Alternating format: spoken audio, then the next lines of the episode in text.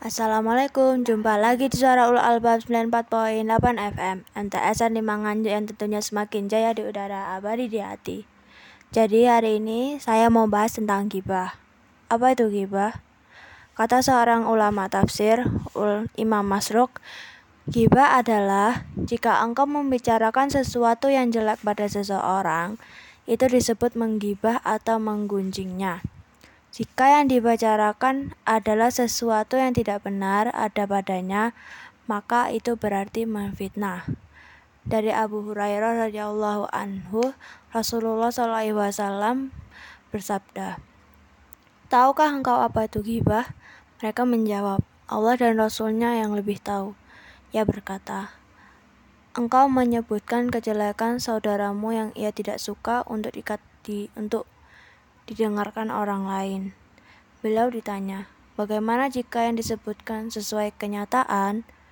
Jawab Nabi Shallallahu Alaihi Wasallam, jika sesuai kenyataan berarti engkau menggibahnya. Jika tidak sesuai berarti engkau menfitnahnya. Hibah termasuk dosa besar, namun sedikit yang mau menyadari hal ini. Seperti kita kita ke masjid, di masjid bukannya sebelum memulai sholat bukannya kita berzikir atau sholawat pada Nabi itu kita malah menggibah membicarakan orang atau menjelek-jelekkan orang itu. Jadi jangan menggibah. Adakah dosa dan haramnya gibah? Dosa yang akan diperoleh dari orang yang melakukan gibah adalah ibarat memakan daging saudaranya yang sudah mati. Firman Allah Ta'ala, dan janganlah menggunjingkan satu sama lain.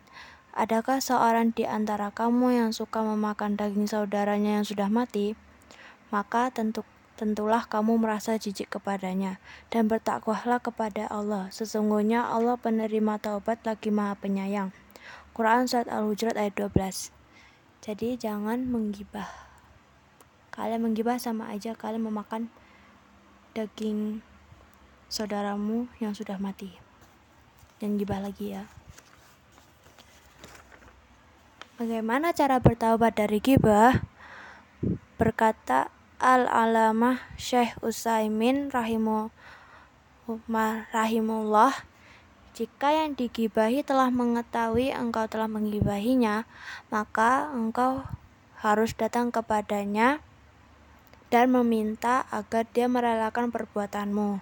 Namun, jika dia tidak tahu, maka janganlah engkau mendatanginya, tetapi hendaknya engkau memohon ampun untuknya dan engkau membicarakan kebaikan-kebaikannya di tempat-tempat yang yang kau menggibahinya.